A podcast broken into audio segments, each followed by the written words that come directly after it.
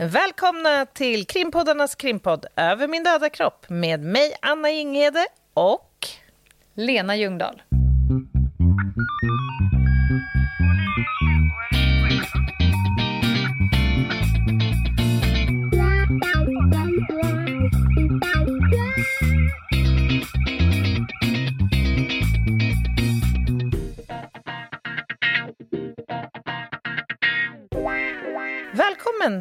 Podden, Lena. tackar, tackar. tackar, tackar. Nu är det torsdag igen. Det är bara måndag och torsdag just nu, känns det som. Ja. Veckorna går fort. De gör ju det. Och så mycket vi har att säga. Återigen så har vi Brottsofferjouren i ryggen. Och vi har ett samarbete med dem den här veckan också. Mm. Känns bra. Vi har fått superfeedback från förra veckan. Både från våra egna lyssnare som hört av sig till oss att man kanske skulle ta och polisanmäla och jag tror att jag ska mm. höra av mig för jag ska vara vittne och så vidare. Men också från Brottsofferjouren mm. som har fått kontakt med personer som säger jag hittade er via podden Över min döda kropp. Ja, det är så fint. Jag, idag hörde jag också när jag pratade med dem att det var ovanligt många som hade hört av sig och anmält sitt intresse att få vara volontär. Och det är också jätteroligt. Verkligen. Mm. Men nu byter vi ämne. Det gör vi. Idag ska vi prata om demokratibrott. Det sagda, eller det fria ordets kanske största hot. Det är allvarliga grejer det här. Och ett eh, brottsfenomen som jag tycker får oförtjänt lite uppmärksamhet i olika sammanhang.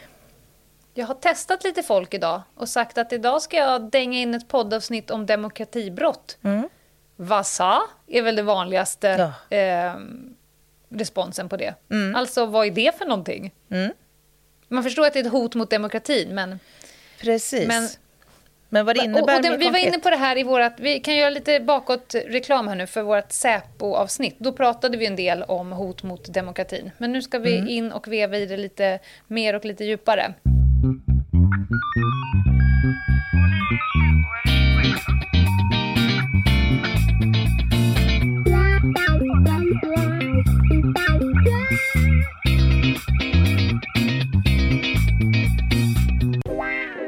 Jag tänker så här att de här människorna som inte kanske riktigt förstår begreppet och innebörden eh, kanske inte heller reflekterar så himla mycket över det faktum att vi lever i en demokrati till skillnad från faktiskt ganska många andra eh, länder och stater i världen. Mm. Kanske är det så att man också tar lite för givet att få leva i en demokrati. Mm. Vi har det ju oförskämt bra på det sättet i vårt mm Eh, härliga Sverige. Men det är ju så här, för att en demokrati ska fungera överhuvudtaget så behövs lagar och regler. Alltså demokratibegreppet stammar ju från liksom antikens Grekland, så det säger ju liksom inget nytt fenomen. Men det är inget som sker över en natt precis att etablera en demokrati. Jag menar, vi Nej. fick skrivna lagar någon gång eh, under 1300-talet. Det var liksom den första ansatsen mot det demokratiska samhälle eller stat som vi är idag. Mm. Men det har ju naturligtvis skett många andra saker längs resans gång som har varit eh, betydelsefulla. Tänkte bara nämna några såna här händelser under 18 och eh, ja, 1900-talet som har varit särskilt viktiga för vårt moderna demokratiska samhälle. Vi fick ju vår första tryckfrihetsförordning under 1700-talet. Det var ju den första liksom, typen av yttrandefrihet som upphöjdes till eh, grundlag. Mm. Och Det här kan man ju tycka var en fantastiskt bra grej. Och det var det ju naturligtvis också. Men helt plötsligt så uppstod ju också någon form av hot här mot det fria ordet och åsiktsbildning. För nu helt plötsligt så kunde man publicera sina åsikter, tankar och idéer och få spridning på detta. Och då blev ju censurbegreppet ett faktum. Det fanns ju då krafter som man inte ville skulle ja, dela allt på detta Nej vis. Och det behöver man inte åka så jättelångt idag för att hitta länder som jobbar mycket med censur. Precis.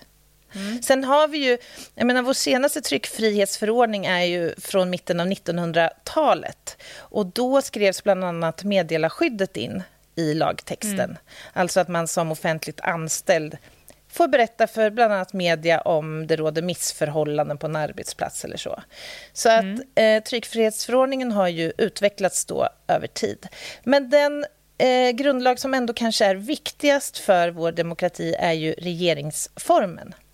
Mm. Eh, och den uppkom ju, eller inrättades, eller vad man nu ska kalla det, på 1800-talet, början på 1800-talet, 1809. Och det var ju i samband med att Gustav IV Adolf utsattes för en statskupp, har jag läst mig till. Han avsattes då av riksdagen den 10 maj. Och i den här krisen som då eh, skedde, så eh, i kölvattnet liksom, så arbetade man fram en ny grundlag. Och den där antogs då 6 juni 1809, därav vår nationaldag. Mm. Lite kuriosa. Sen har vi då ja. successionsordningen eh, strax efter, 1810 som bestämmer hur Sveriges tron ska ärvas. Också en viktig milstolpe. En annan som sker ett 30-tal år senare är införandet av folkskolan. Och då kan man ju undra, varför skulle det vara en sån betydelsefull faktor? Jo, för att nu lärde sig ju människor att läsa och skriva. Och det blev ju också ett instrument för människor att kunna föra fram sina åsikter lättare. Mm.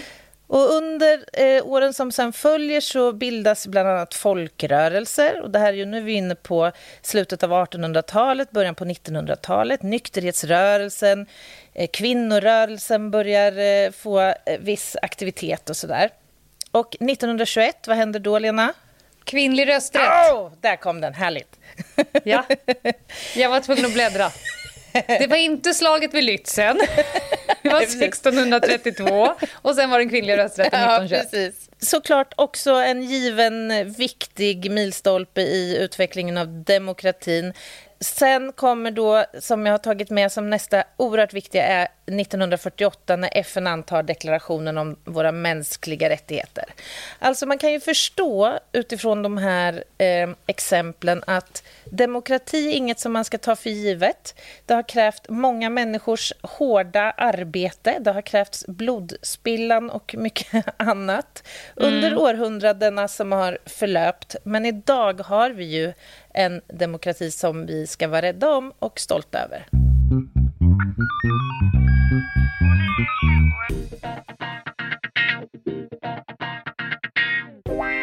Ska vi närma oss då hoten mot det här? Vad snackar ja, vi om här, Lena? Jag tänker att vi måste... Först, vad är ett demokratibrott? Mm. Eh, och det är kanske en av anledningarna till varför folk inte har talas om det. Det är ju för att det inte finns ett brott som heter demokratibrott. Nej. Det är liksom inte en juridisk term. Det finns inte en person som har blivit dömd för demokratibrott. Men, men det är ju brott, det kan vara allsköns alla brott. Det kan vara olaga hot, det kan vara ofredande. Mm.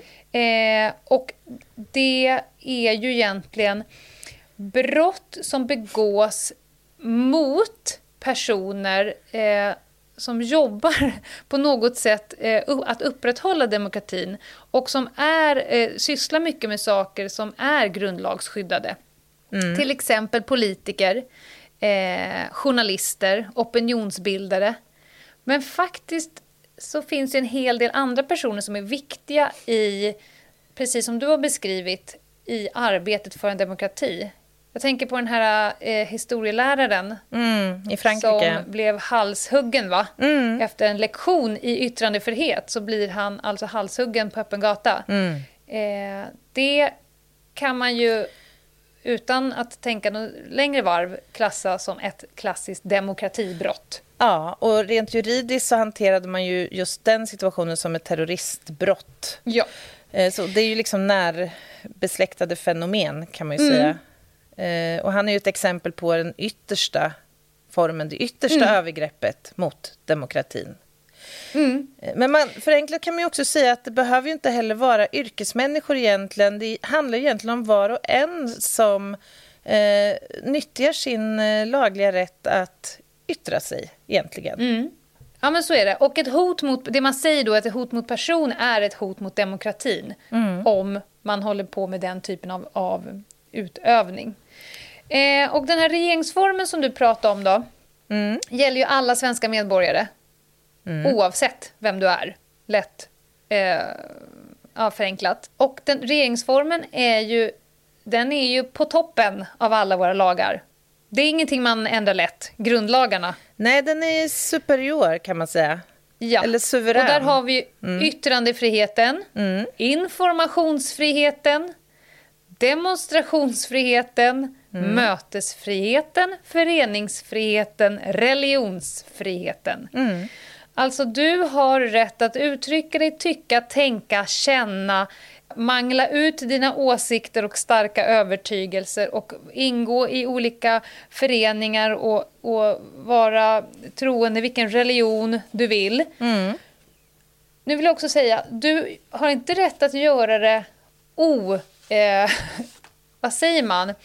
Alltså, ibland tänker, tycker jag att jag hör så här, men jag har faktiskt rätt att yttra mig. Mm. Ifall det är någon som säger emot. Ja, absolut. Du har rätt att yttra dig, men du är inte helt fri från att folk kommer att säga tvärt emot. Nej, och så. dessutom finns det ju faktiskt eh, inskränkningar i yttrandefriheten också. Mm. Alltså, du mm. kan ju begå förtalsbrott till exempel om du ja. uttalar dig på ett klandervärt sätt om en person eller spionage mm. eller ja, brott mot rikets säkerhet och så vidare. Så det finns ju vissa några begränsningar mm. eller inskränkningar. Men om man tänker eh, hårdrar det, två personer som har olika åsikter eh, och har rätt att yttra dem.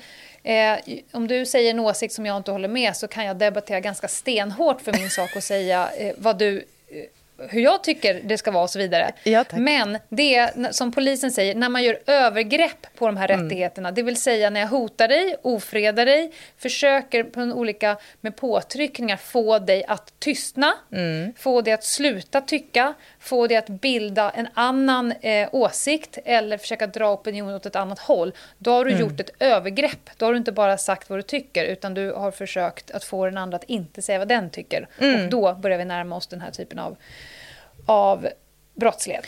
Eh, får jag ställa en liten provokativ fråga till dig här? Eh, ja, det kan du få göra. Kanske inte svarar. Nej, men vi pratar ju här om yrkesgrupper som är i det offentliga mycket och mm. som liksom på något sätt eh, vad ska jag säga, lär sig att hantera, eller, får, eller rättare sagt så här, de får ju utstå ganska mycket eh, onda röster och kritik och eh, ifrågasättanden och så. Eh, mm. om man drar paralleller till polisyrket mm. så är ju ett argument som ibland hörs när poliser blir bespottade till exempel, mm. att du förväntas ju tåla det där i ditt ämbete som polis. Kan vi dra någon form av par parallell och prata lite i smågrupper kring det här fenomenet när det rör när det rör... Är det en bikupa? Ja, vi har en bikupa coming up. Nej, men alltså, om, vi, om, vi, om vi drar det hela vägen, om vi blir filosofiska. Alltså om du ska utöva din tjänst, alltså att upprätthålla eh, Svea rikes lagar mm. och i ditt jobb som tjänsteperson blir bespottad mm. så skulle man kunna tänka sig att det är ett sätt att försöka påverka dig att inte utöva ditt jobb. Mm. Och då per definition skulle man ju kunna säga, det här kommer förmodligen bli förgripelse mot tjänsteman. Mm. Eller om du hotar mig så är det hot mot tjänsteman. Men absolut, om man har en poliskår som undviker att göra vissa saker i vissa situationer med risk för att bli utsatt för eh, brott mot person, då är det ju ett demokratiproblem. Ja, och det, det skulle jag vilja säga. Ja, men jag tänker också så här, är det så att om man nu har valt ett sånt här yrke, ska man, förväntas man då tåla de här hoten och hatet och trollen mm. i trådar på internets eh, alla möjliga forum? Där tror jag inte att det är någon skillnad mellan poliser eller till exempel journalister eller politiker. Alltså, när du väljer en tjänst så avskriver du ju inte de eh, grundlagsskyddade eh, fri och rättigheterna som alla andra har. Du har kvar dem i din tjänst. Man kan ju tycka att det borde vara självklart så. Ja.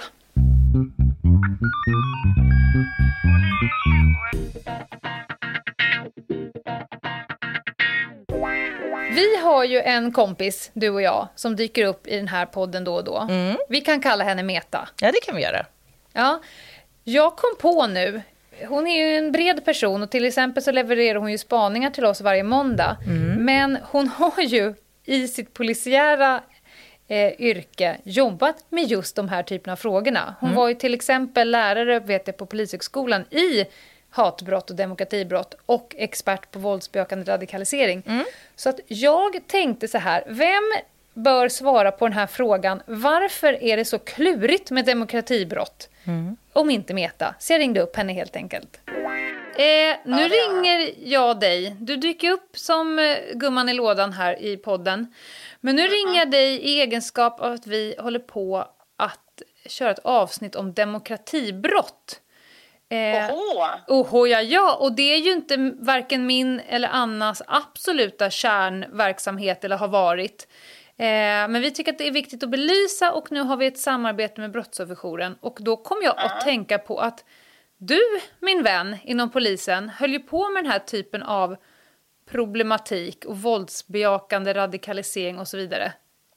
Eller? Det gjorde jag. Ja, det gjorde jag. Du frågar helt enkelt mig i egenskap att, av, av att jag kan det du frågar. Exakt, har, exakt. Har jag någon idé av att ringa dig? Ja, Ja. det du har mandat att ringa mig i just den här enskilda frågan. Ja. Men vad, vad skoj! Jo, det har jag ju faktiskt. Dels så jobbade jag på dialogpolisen, vilket är att man liksom aktivt och praktiskt förhandlar och medlar med personer eller grupper när det vankas demonstrationer eller manifestationer eller kurr på stan. Det Mm. när det har att göra med liksom en åsikt och opinionsyttring och så. Mm.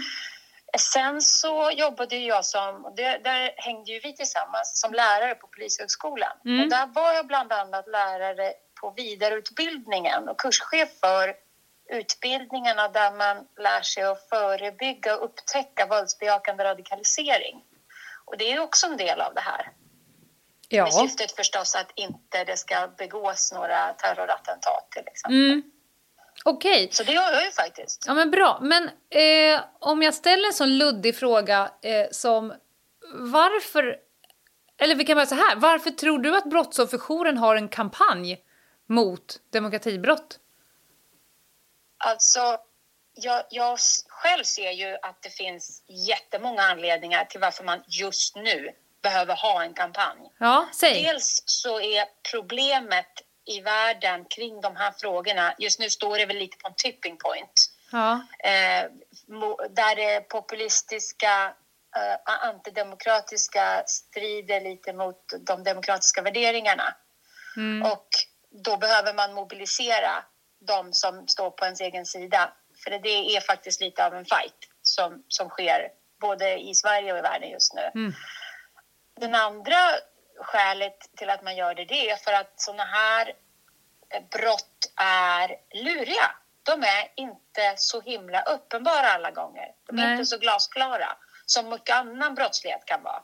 Man fattar om ett bankrån är ett bankrån, Mm. men ett demokratibrott fattar inte alla att det är det. Man Nej. fattar inte vad, hur, vilken liksom gravitas det är frågan om. Nej. Va, va, för jag tänker... Dels är ju demokratibrott inte en juridisk term, utan det är ju en, ett samlingsbegrepp av något som pågår och som påverkar kanske det finaste vi har, det vill säga demokratin. Varför, Ja. vill, varför vill folk förstöra vår demokrati?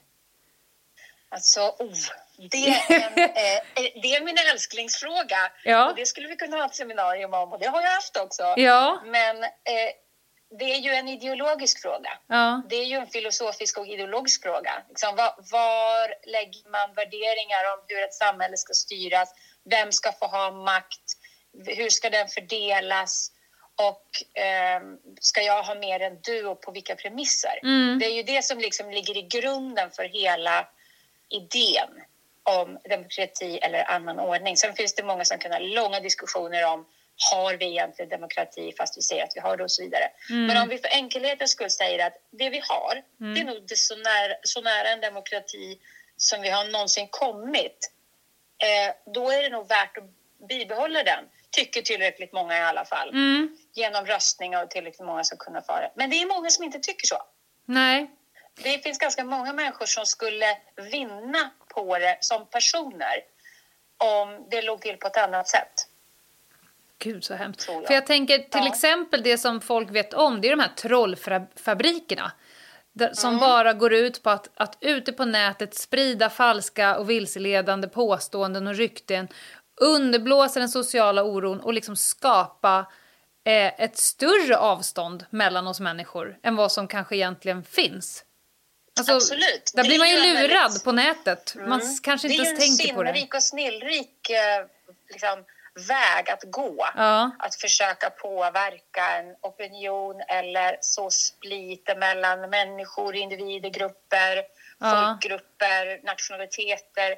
Det går ju att lägga på väldigt många olika liksom, lager och raster. Ja. Men, men det är ju så också att Trollfabriker är ju känt lite mer allmänt, kanske på grund av det lite läckra namnet. Alltså det, det är någonting som, som sticker ut när man läser en rubrik. Ja. Men om man, om man, det, det blir inte ens rubrik om man pratar om att det sker eh, mobbing på en skola i, utanför Dalarna någonstans i någon fråga. Men Nej. det kan precis lika mycket vara den här typen av påverkan. Mm. Men, men eh, vad kan... För vi kommer prata sen om lite vad man ska göra för att själv undvika om man nu är journalist, opinionsbildare, politiker eller sånt där. Men, eh, och, och vad man kan göra för att undvika det och framförallt om man har blivit drabbad, för där kommer ju brottsofferjouren mycket in. Men vad kan man som samhällsmedborgare göra för att motverka demokratibrott? Ja, det är också en bra fråga och det är en väldigt rimlig fråga. För att, och jag tror att den, den föregås... Jag skulle säga så här, jag ska föregå den med en annan fråga för den, den får sitt svar om man har besvarat en annan. Och den är, vad är, vad är det som gör det så lurigt? Ja. Eh, det är ungefär tre saker. Dels är det för att vi tittar efter fel grejer. Vi tittar oftast efter det som blir uppenbart och tydligt. Det skulle kunna vara ministermord eller Ja. bombhot eller en högerextrem marsch eller en bränd valstuga. Det är så här tydliga, eh, enkla saker. Mm. Men vi, vi tittar efter saker som är fel i och med att det här handlar också om sånt som är mycket, mycket mer subtilt. Mm. Sen är det också av skälen att det här är ju svårt att förklara, men det, om man tänker så här, det borde ha funnits där, men det gör inte det. På grund av att till exempel journalister som efter har blivit nernött av år av hot och angrepp börjar Mm. låta bli att rapportera kring vissa ämnen. Ja, fattar. Mm. Om man förklarar att det, det borde ha varit där, men det är inte där. Nej. Och sen är det också så att det kan vara lurigt att upptäcka det här av anledningen att det finns där, men vi kan inte se det, för vi har blivit så hemmablinda och vana vid det här Mm. Normaliserade. Eller norm, precis, normaliserade och avtrubbade faktumet. Mm. Och det i sin tur leder nog fram till vad kan man göra som, som en vanlig hedervärd medborgare? Vad kan man liksom bidra till? Det är att börja titta med de här glasögonen istället. Titta mellan raderna, mellan de där uppenbara sakerna. Leta efter, efter tecken på det här lite mer subtila. Mm. Borde det ha rapporterats det här? Men det gör inte det. Varför gör det inte Nej. det? Varför ställs inte de här frågorna längre? Ehm, och det kan också vara så att det handlar om att en, en, det är en ton i det allmänna samtalet Mm. eh, på diskussionsforum och, och, och i real life. Men den här tonen i det all- allmänna samtalet, den kan påverkas. Och det är den som gör att det blir lite som den här kokta grodan, att det märks inte över tid. Men hade man tittat på en internetdiskussion idag Mm. med glasögon från 15 år sedan, då hade man hajat till. Ja, okej. Ja, jag fattar.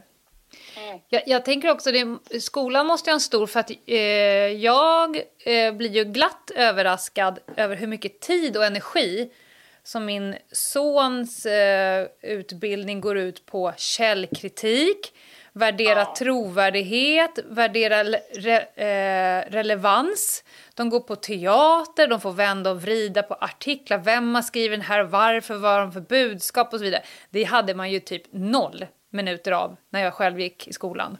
Ja, verkligen. Det fanns ingenting sånt. Det är väl en det del i... Det, som är, det är en jättestor del. Jag tror att vi som är vuxna och som med andra ord hade våra formativa år någon gång 90-talet, tidigt 00 eller tidigare än så, Ja. ska ta liksom ett blad ur förskole eller pedagogernas bok Mm. och använda sig av den lite grann. Ja. Till exempel bidra till en god ton i olika kommentarsfält. Mm. Man kan ju själv överväga hur formulerar jag mig i skrift? Ja. Och inte bara så här Sverige eller hota utan snarare är det jag skriver relevant för själva sakfrågan? Mm. Eh, och jag kan också vara med där inne och påpeka i kommentarsfält om någon annan börjar veva utanför ramen för det här sakliga samtalet. Mm. Och vara noggrann med att tydligt visa att jag tar avstånd från inlägg som innehåller personangrepp eller hot. Mm. För att bidra till källkritiken, det är ju liksom, det är det nya svarta. Mm. Men vi är ju fortfarande klädda i ja, förra årets fashion. Ja. Alltså, att ifrågasätta påståenden och inte bara dela inlägg rakt av utan att göra en, en bakgrundskontroll av det här budskapet. Man brukar ju inte behöva klicka sig särskilt djupt ner i internet Men för att gud. märka om det här är ett påstående som är friserat eller inte. Ja, det där kan jag ju Och få väl- dåndimpen på när man ser folk som delar Ja. inlägg. Och, och så kan jag höra av mig till personen så här, vet du vad du delar ens? Du har läst rubriken och delar, det här kommer ju rakt från en skitsida. Eh, ja, nej men jag tyckte rubriken lät bra. Hmm. Ja. Mm. Men lät den rimlig? Ja. Lät den som någonting som är sunt? Lät den som någonting som en stor merpart av befolkningen skulle tycka var väl uppfostrat, schysst, omobbigt? Mm. Ja. Lät det ens sant? ja. Det här med att lära sig att höra skillnad mellan åsikt och fakta är ju Mm. någonting man kan, kan tatuera in i svanken. Som en liten tramp stamp. Ja, Ja. faktiskt. Absolut. Ja, men jättebra, Meta. Ehm, man förstår vidden av hur krångligt det här är och på hur många nivåer som man behöver arbeta på det samtidigt. Det Ehm, blir ju svårt för polisen när, när det här är en fråga om en glidande skala mellan att jag tycker inte som du och så någonstans där måste en polis dra ett streck och säga att nu har du klivit över en juridisk gräns. Ja.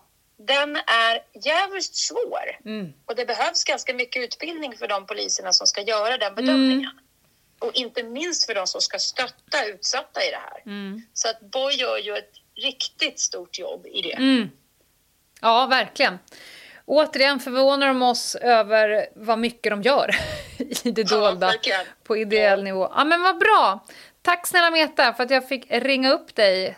Du Tackar, tackar. briljerar även i det här. Tackar, tackar. Ha det bra! Ha det bra! Ja, det där var ju intressant. Mycket. Ehm, och det här med att det pågår hela tiden på många frekvenser som man kanske inte ens tänker Ja. på. Det tyckte jag var intressant. Vad jag som medborgare kan göra för att motverka de onda eh, liksom vindarna som, som blåser mot våra, vår demokrati. Ja, men alltså, jag måste säga att det blir nästan som en normalisering detta. Alltså Mm. om man rör sig mycket på nätet till exempel, det räcker, alltså, behöver ju inte kliva utanför Facebook egentligen. Det räcker Nej. att du läser i trådar där och eh, någon som är till exempel politiskt engagerad eller för den delen har en stark åsikt i någonting kan ju bli direkt angripen eh, för just den åsikten. Och det här, det här ser man ju titt som tätt. Man orkar ju såklart inte bemöta och försöka ha någon form av civilkurage i, i alla de här situationerna. Men det skulle ju verkligen behövas mer just civilkurage, skulle jag säga. Och som jag sa till henne där, alltså jag har ju personer i min bekantskap, bekantskapskrets som jag vet har... Jag vet hur den moraliska kompassen ser ut, men jag blir ju mörkrädd när personer klickar på den här lilla dela. Dela den här Ja. länken, dela den här bilden. Det här håller jag med om. Och så vet man att den här bilden kommer ju rakt ifrån ett jävla skitforum Ja. Som går 180 grader åt andra hållet från vad personen står för. Så då brukar jag på Messenger bara, hej hej, Ja. vet du vad du delar för någonting? Alltså har du tagit, har du överhuvudtaget scrollat ner från rubrikjäveln? Ja, men, men Lena, går man in på de här sidorna och tittar lite grann vad de här människorna ibland, eller ofta uppehåller sig kring, så är det ju, det kan vara homecoming videos som delas, det är katter journalister som badar bubbelbad. Det är av, informa, samhällsinformation från Avpixlat och det är liksom samhällskritiska tankar. Kan vi också prata att alla människor har som yrkesstatus på Facebook Livets hårda skola. Nej men sluta bara. Nej men det är sluta. superviktigt det här du säger. Källkritiken mm. för guds skull, vänner. Ja.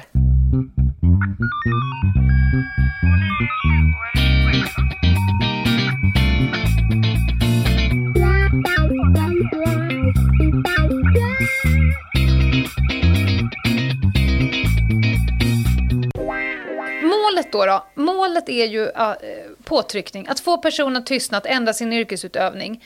Och ja, eller avstå gör... från den. Eller rent utav avstå från den ju. Ja. Faktiskt. På något sätt få dig att ändra dig på något sätt så att det passar mig och så att eh, vi blir mer polariserade. Eh, mm. Och ett vanligt mod, jag har ju jobbat ganska mycket ska vi säga av de som har blivit drabbade, alltså kända personer eh, och framförallt mycket journalister. Mm. Det som händer, eh, det är ju eh, dels att de blir uthängda på nätet, det är ju vardag. Mm. Och då pratar vi ärokränkningsbrotten, förtal, förolämpning till exempel. Mm. Det kommer brev hem i brevlådan. Gärna ofrankerade så att man ska känna att någon har varit här fysiskt och mm. stoppat det. Det är en psykologisk grej. Att jag har också varit vid din dörr. Det är en mm. sån här maktkampsgrej. Eh, telefonsamtal, eh, hembesök. Det finns en grupp de ger gärna på sig på eh, grävande journalister, sådana som i sitt yrke söker upp personer och liksom ställer på dem lite kring något som har hänt. Då åker den här lilla gruppen människor hem till journalisterna och vill ta dem lite på eget grepp. Så du sitter där vid fredagstacosen, ringer på dörren, du öppnar, du trycks upp en kamera ansiktet på dig och så hetsar de dig ganska mycket för att du ska uttala dig och de har mm. gärna ett ämne som gör att du känner kraftigt att du vill dementera, för det är ganska så här, det är en stark känsla vi har när vi blir eh, oskyldigt eh, beskyllda för någonting mm. så vill vi dementera. Mm. Och så filmar de det här och sen mm. klipper de ihop det som gör att du framstår som en rövhatt och sen mm. så ut på eh, Youtube. Mm. Eh, och allt det här ska ju då leda till att du passar dig lite för att granska oss som grupp till exempel. Ja, precis. Och bieffekterna blir ju fruktansvärda för då har vi kanske journalister som inte bara backar hem mm. och gör lite mindre av sin, eh, sin granskning men de kanske till och med i sitt privatliv inskränker sin rörelsefrihet. Mm. Eh, de lägger inte ut den här bilden på sitt barn, de, de åker inte till vissa platser, de undviker vissa ytor vid vissa tillfällen. Så att det är ju... Eh, du, du, påverkas både som yrkesperson och som privatperson på ett ja, vidrigt oh, sätt. Ja, hela din privata sfär riskerar ju att påverkas. Mm. Såklart. Och vad värre är, är ju i det längre loppet, om man tänker så, det är ju att om man avstår från att eh, beröra vissa sakfrågor, till exempel, eh, så finns det också en risk för polarisering. Alltså om ingen mm. vågar ta i de här frågorna och debattera dem som är kärn, vissa kärnfrågor så, fin, så lämnas ju också ett utrymme för kanske lite mörkare krafter, om du förstår vad jag mm. menar. Eh, det är ju också liksom en del av agendan, mm, eh, men det är ju en väldigt otäck utveckling. Ja, men det finns ju en sån här sägning att jag tycker inte som dig, men jag är beredd att gå i döden för din rätt att få uttrycka dig. Mm. Eh, det handlar ju om att alla ska ha eh, rätten till att tycka och tänka och uttrycka sig i skrift. Eh, jag pratade med en journalist som jag känner som har jobbat över 25 år. Mm. Och hon sa så här att för, för ett gäng med år sedan, då var ju egentligen redaktionerna helt öppna. Man kunde ju gå från gatan rakt in och knacka reporten på axeln och säga mm. olika saker. Nu vet ju jag som håller på med de här penetrationstesten, alltså eh, mediahusen är ju som Fort Knox. Mm. Eh, jag läste att SVT har fått miljontals kronor extra mm. för att skydda sina medarbetare från hat och hot och fysiska angrepp. Ja, men alltså det är ju Alltså, är det inte lite sjukt på något sätt? Jo, och jag blir lite så här, om vi då tänker att det sitter någon eh, person som kanske går på bidrag. Ja. och ägnar hela sin vardag åt att sitta på nätet och hata och hota mm. SVTs och Sveriges Radios journalister ja. för att de är public service och de tycker att de använder skattepengarna fel. Och där sitter de hemma i sitt hus och mm. får bidrag och kostar. Så jag kan tycka att det är så paradoxalt alltihopa. Ja, men det eh. finns ju också en del i det som gör det ännu mer paradoxalt och det är ju vår, den här tidens arena för att utöva den här typen av aktiviteter också.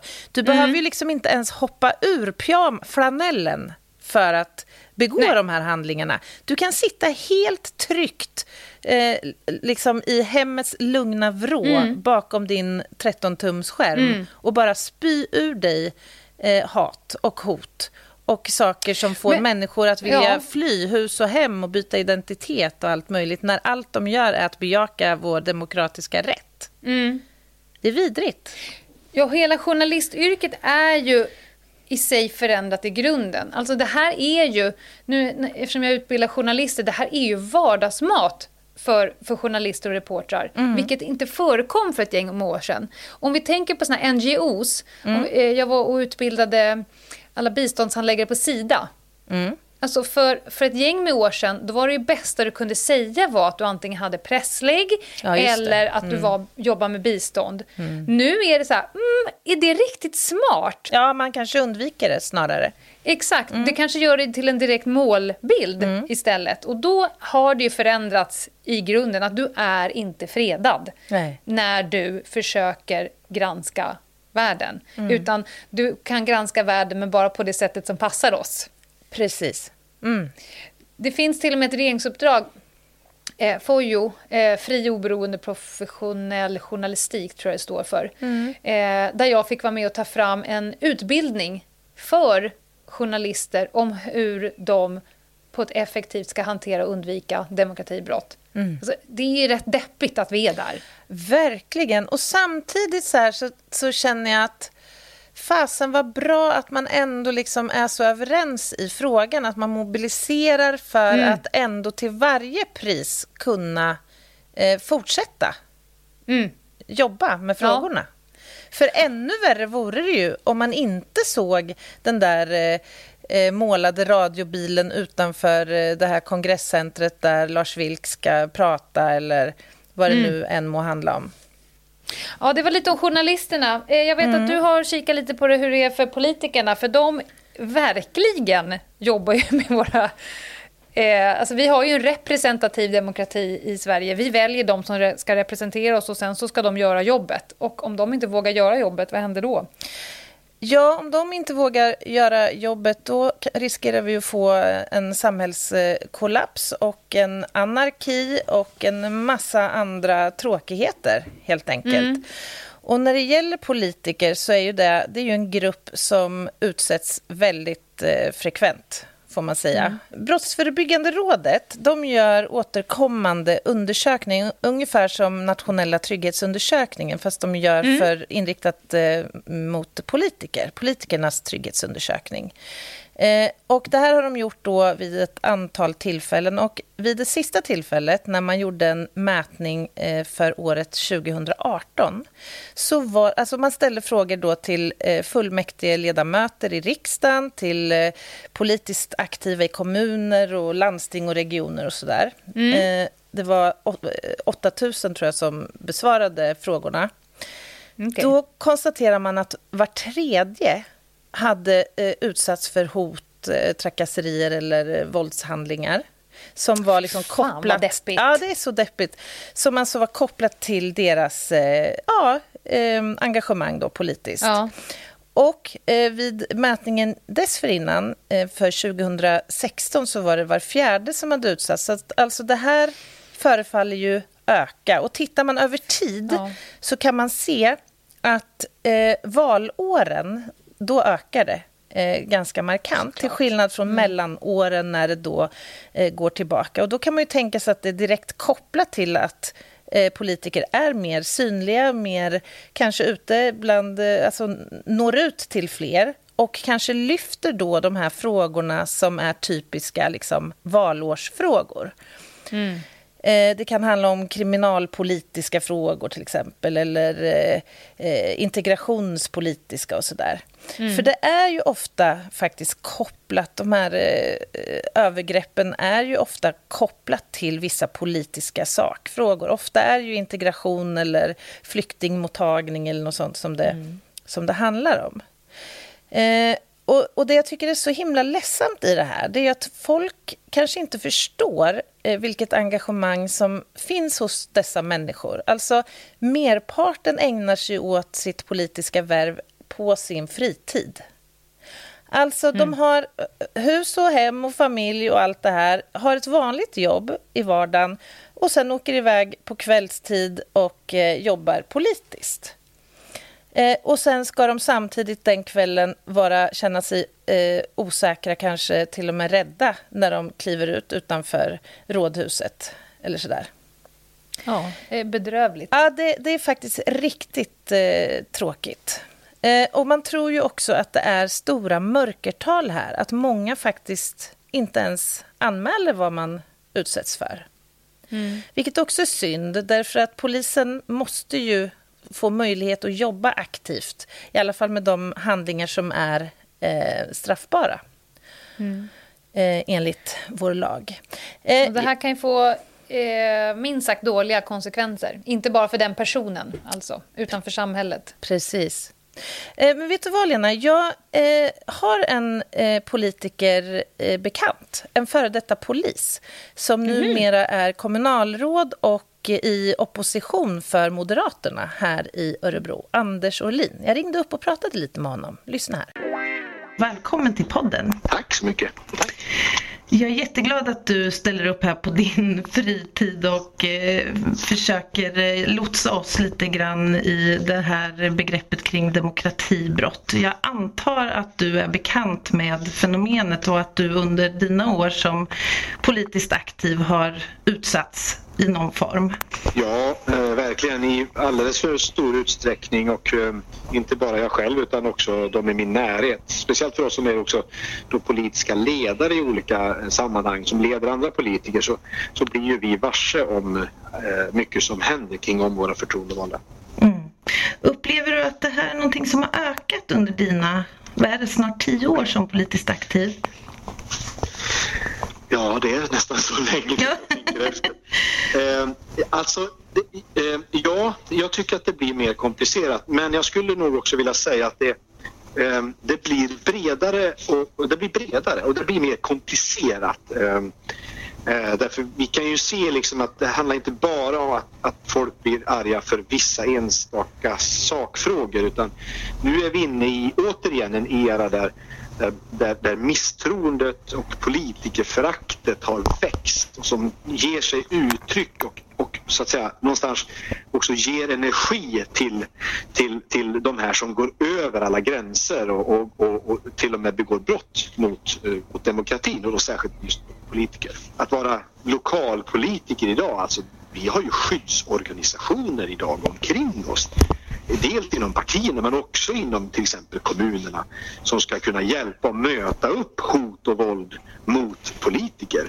Och det är det nog inte så många som känner till. Många känner till att Säpo har livvakter för statsråd och för, för partiledarna och sådär. Men, men, men, idag så är det alltså eh, liksom skyddsorganisationer kring om vanliga förtroendevalda, alltså personer mm. som vem som helst, förskollärare, poliser, som, som, som väljer att engagera sig lite politiskt. Även där måste det rigga skyddsorganisationer. Ser ni att det blir svårare att få folk att engagera sig politiskt? Och kan det här i så fall vara en anledning till det? Definitivt. Och det är, eh, idag är det än svårare också att få politiker på högre befattningar, alltså de här lite mer utsatta befattningarna. Mm. Eh, till exempel att vara kommunalråd eller att vara regionråd då, eller kanske gå upp till att bli riksdagsledamot eller minister. Mm. Eh, det, det, det, är en, det, det, är en svårighet vi tampas med. Mm. Eh, därför att det, det här, den här utsattheten skrämmer också bort rätt många som, som, som kan göra kanske karriär någon annanstans. Alltså personer som är kloka och duktiga och driftiga de, de skräms ju bort. Du kan lika gärna göra karriär i företaget mm. eller, eller någon annanstans någon offentlig kanske verksamhet. Men just politiken, nej, det, jag är alldeles för mm ordentligt exponerad för det. Och man ska ju vara medveten om att för oss som, som är då eh, politiker och blir då, eh, så, så att säga, eh, som blir väldigt officiellt ja, kända kanske lokalt. Och vi, vi, vi är ju också personer som Alltså det, här, det här medför ju att hela familjen också följer med det här, mm. det här, den här offentligheten.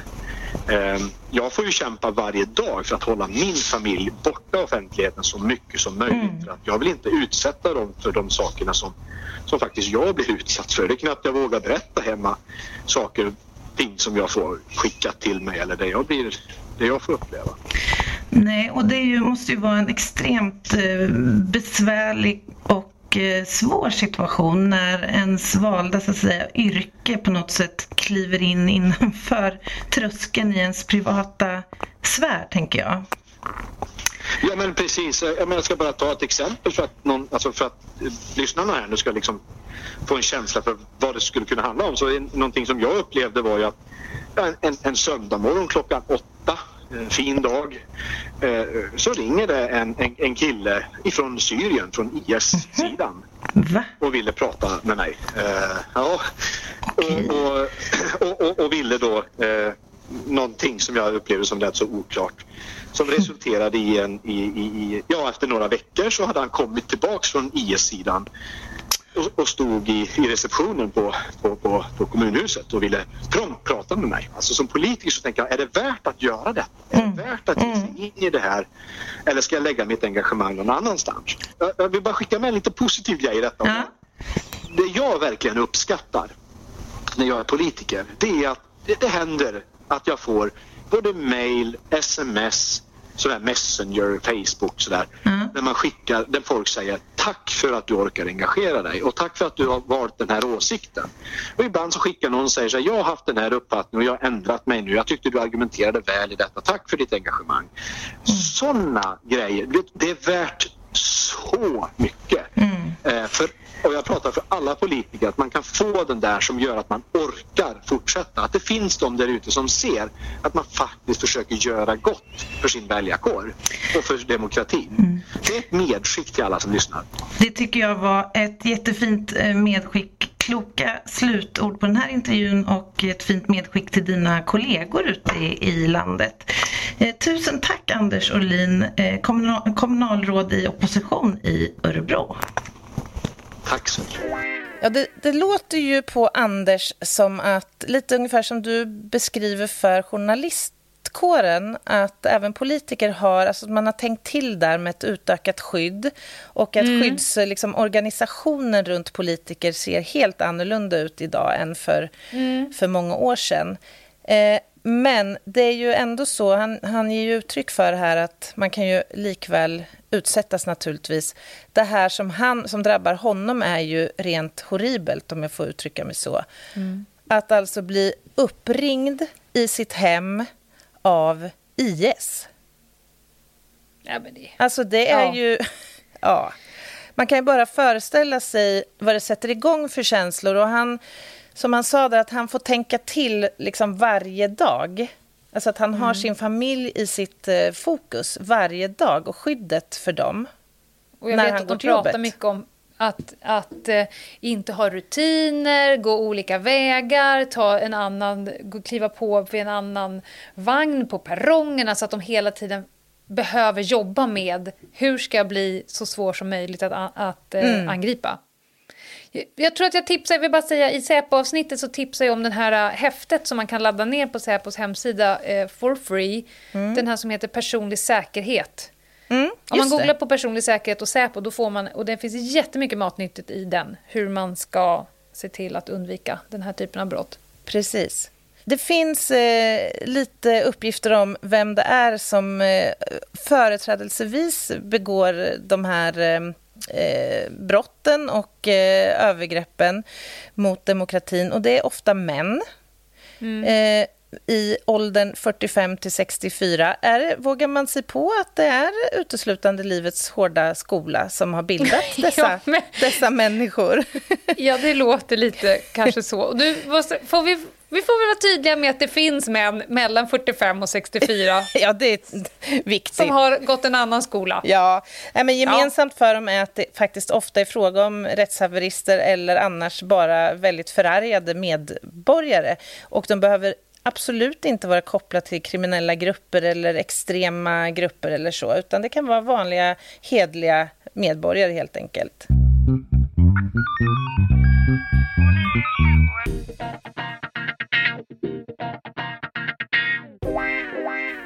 Ska vi ta och prata lite om vad polisen gör eh, gentemot demokratibrott då? Eh, innan vi börjar prata om Brottsofferjourens viktiga arbete. Mm.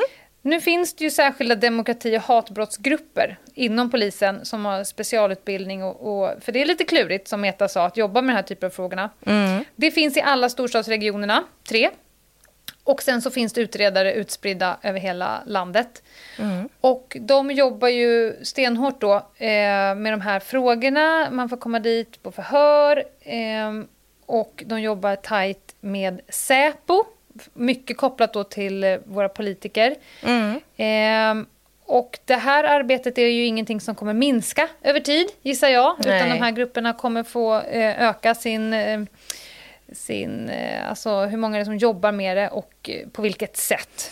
Mm. För att helt enkelt hänga med samhällsutvecklingen. Ja, Nej, men mm.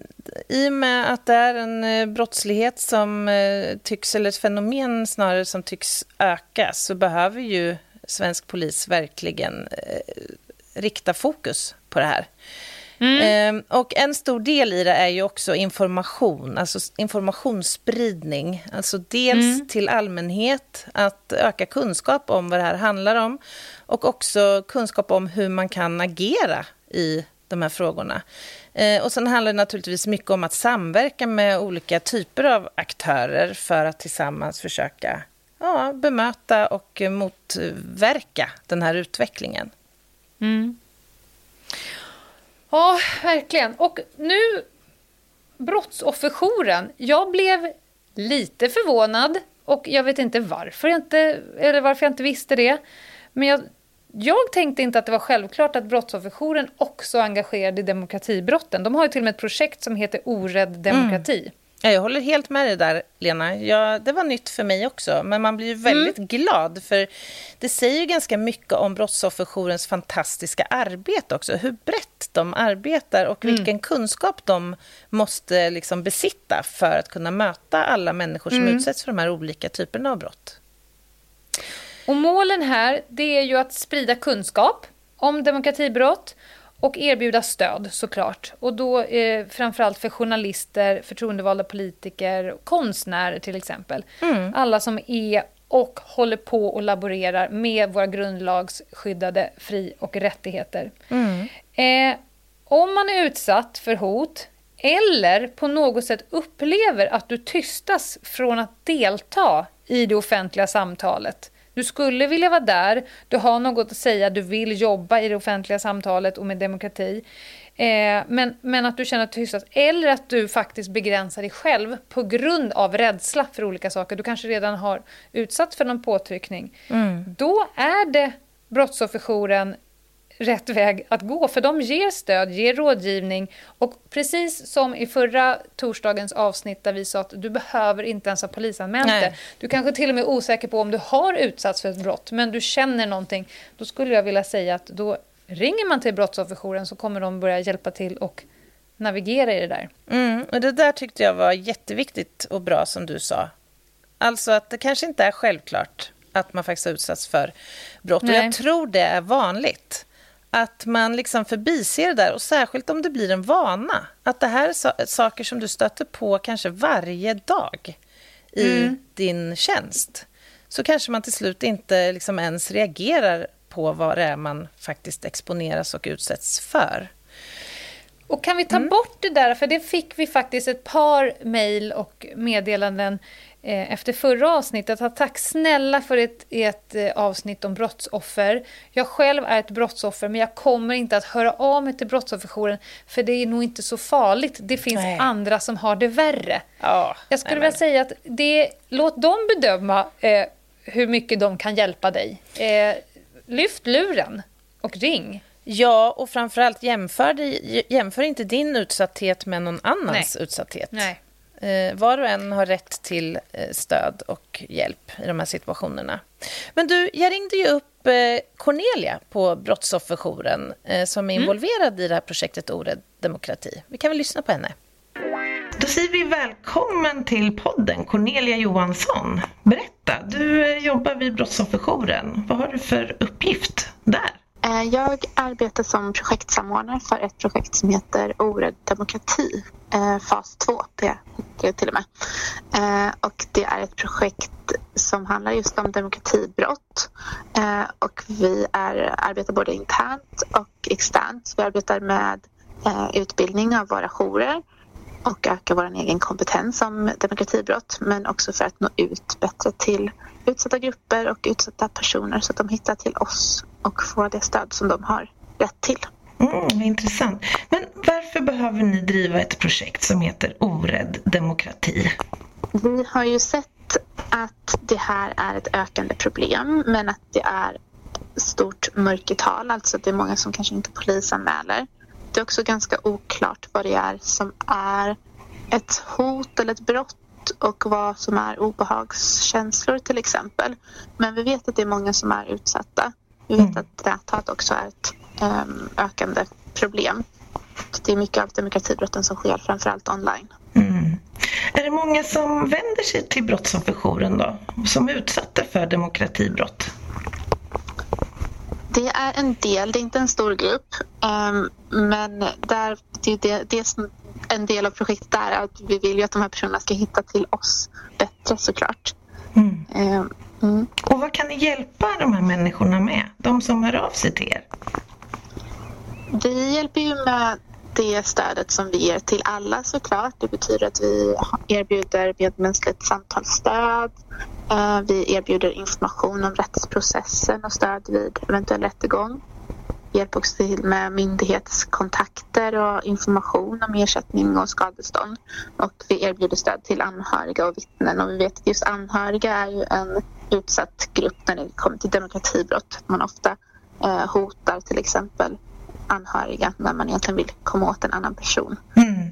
Så det är en stor grupp. Vilka skulle du säga är det som drabbas värst av de här brotten egentligen? Eh, det är personer som är utan säkerhetsnätverk skulle jag säga.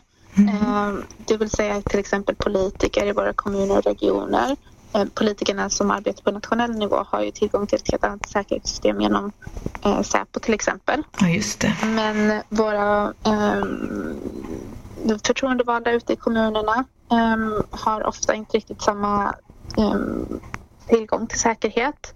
Eh, det kanske finns någon på kommunen som arbetar med det här såklart men, men annars så kan det vara ganska olika och olika mellan olika partier till exempel. Mm. När det kommer till journalister och konstnärer så är det ju de som är frilansare till exempel som inte är bundna till något fackförbund. Man kanske inte har någon tydlig eh, arbetsgivare. Mm.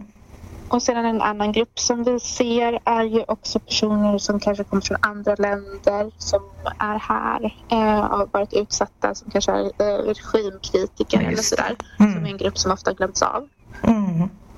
Och eh, i det här projektet har vi också lyft fram civilsamhället som en utsatt som inte riktigt får det samma stöd i, um, från polisen till exempel. Det är ju inte en, en, en grupp som man lyfter fram där men vi vet att civilsamhället är väldigt viktigt för vår demokrati mm. och där är det allmänt accepterat att man ska bli utsatt för hot och hat nästan. Det är väldigt, väldigt vanligt och speciellt organisationer som representerar minoritetsgrupper till exempel. Mm där ser vi ju en korrelation mellan hatbrott och demokratibrott. Ja, men precis. Ja, och jag tänker att människor kanske i allmänhet tänker så, att det är främst politiker och opinionsbildare och andra som främst utsätts. Men faktum är ju att det är ju en massa olika människor som kan utsättas för demokratibrott. Man kan hitta de här eh, människorna i alla möjliga olika sammanhang. Ju. Precis. Vi pratar också om forskare till exempel, Mm. influencers eller Ja. som helst egentligen som deltar i det offentliga samtalet. Och det Mm.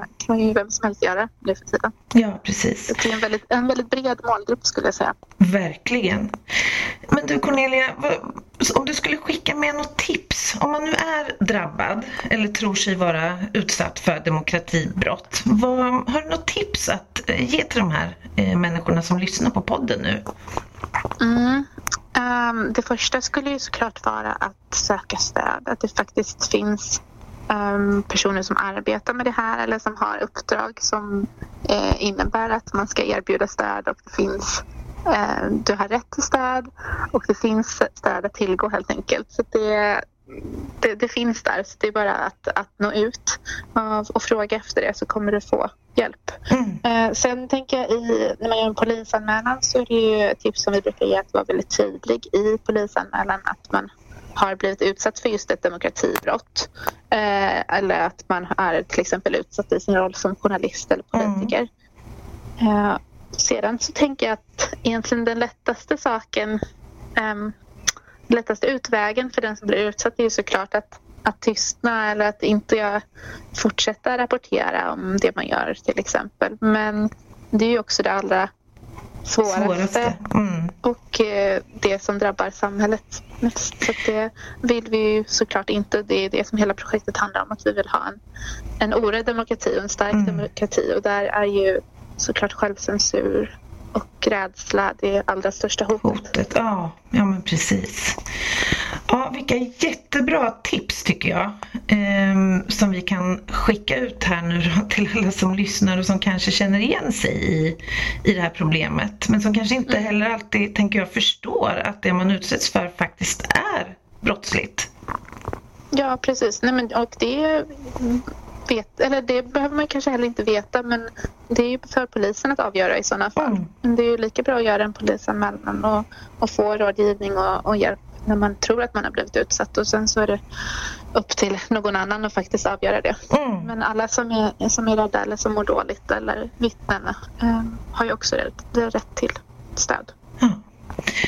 Då säger jag tusen tack till dig Cornelia för att du ville vara med i podden och eh, Ja, upplysa våra tack, tack. lyssnare. Tack så mycket.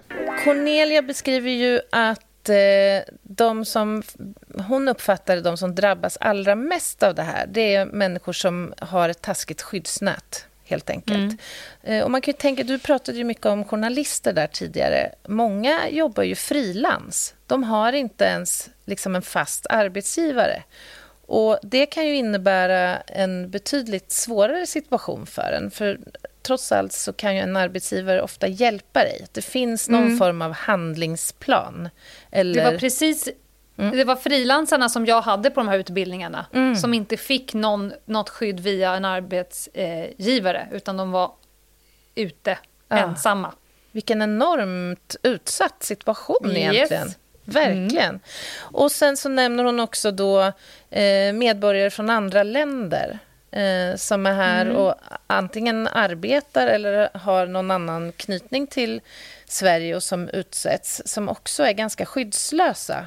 Ehm, men som sagt, Brottsofferjouren hjälper alla. Eh, så att det är väl dagens hetaste tips, att söka stöd där. Och då ringer man på nummer 116 Noll, noll, 006. Men du, det finns lite annat man kan göra väl? Men om man är drabbad eller, eller ska försöka undvika det, det, det känns ju lite som att man inte vill ge de här tipsen för det är som att säga att du har någon form av skuld i om du skulle bli drabbad och det har du ju självklart inte. Eh, det är aldrig ett brottsofferfel till någonting. Men om man vill nu undvika, om man är en utsatt person, eh, säg att du är reporter på någon lokaltidning eller opinionsbildare eller för den delen influencer. Eh, att se till att ha koll på sina digitala vanor, det här med att hålla på checka in på olika ställen, att hela tiden annonsera var du befinner dig, det är en dålig idé.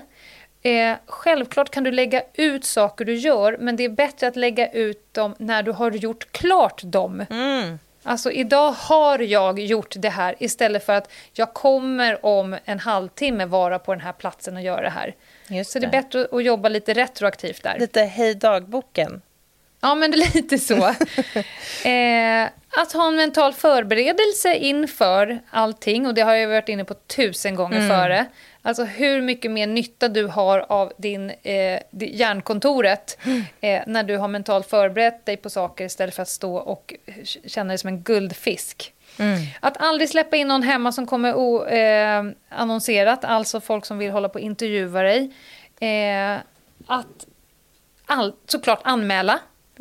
Att, och om du skulle bli utsatt, spara, spara, spara, spara. För logg, för dagbok, för allting. För att det kommer bli supersvårt för polisen eh, att jobba med brottskategorierna, till exempel förtalsbrott eller ofredande eller olaga hot om det inte finns någonting att ta på. Så spara bevis och sen så tar du och ringer polisen och brottsofferjouren. Så finns det jättemycket stöd att få. Och såklart vidtala din arbetsgivare om du har någon. Mycket bra.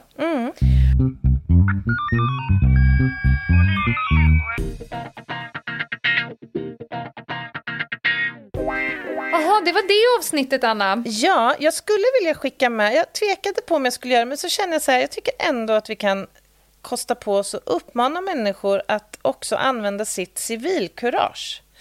Att inte bara tolerera vad som helst i alla tänkbara forum. Det skadar inte att faktiskt vara den där motvikten ibland. Man behöver ju inte liksom ge sig in i de här värsta, kanske djupa diskussionerna, men i vart fall ta avstånd från den, den där typen av uttalanden och påhopp och hat som det finns i många såna här forum.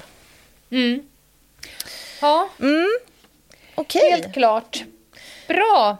Yes. Tack för samarbetet Brottsofferjouren. Eh, på måndag är det ny veckans spaning. App, app, I- app, app. Det är fortfarande Ja. torsdag. Och Ooh, jag vet vart du är på väg. Imorgon är det Happy Friday. jajamän, happy Friday Berätta nu, Anna. Du är, så, du är så taggad så att du håller på att få jag håller på framfall. att gå sönder av eh, Ja. Upphetsning. Jag får höra. Nej, men det är ju torsdag idag. Och Ja. torsdagen, när skymningen kommer och vi går mot natt och ett nytt dygn, ja då, en minut in på det nya dygnet, alltså fredag, då öppnar Podstore upp sig som en, ja, Fy fan, vart ska det här ta vägen? Podstore Jag kom- sätter och käkar popcorn nu medan du tar det här. Take it away, Anna. Podstore kommer vara minst 10 centimeter öppen för försäljning av vårat 24 timmars merch som denna gång handlar om ett assnyggt tryck på sweater, bland annat. Det, är, det här är din favorit hittills. Ja, det är det. Lätt. Nej, jag Jag har pepp. gått runt hela kvällen här i både sweatshirt och mössan.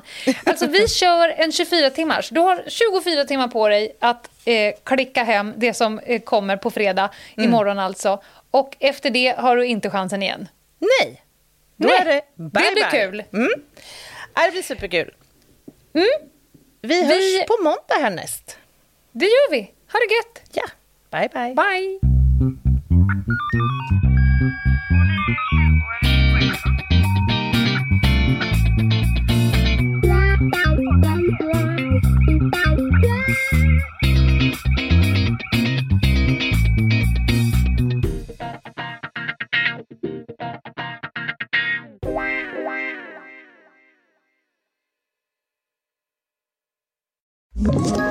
Ett poddtips från Podplay. I fallen jag aldrig glömmer djupdyker Hasse Aro i arbetet bakom några av Sveriges mest uppseendeväckande brottsutredningar. Går vi in med hemlig telefonavlyssning och, och då upplever vi att vi får en total förändring av hans beteende. Vad är det som händer nu? Vem är det som läcker? Och så säger han att jag är kriminell, jag har varit kriminell i hela mitt liv men att mörda ett barn, där går min gräns. Nya säsongen av Fallen jag aldrig glömmer på Podplay.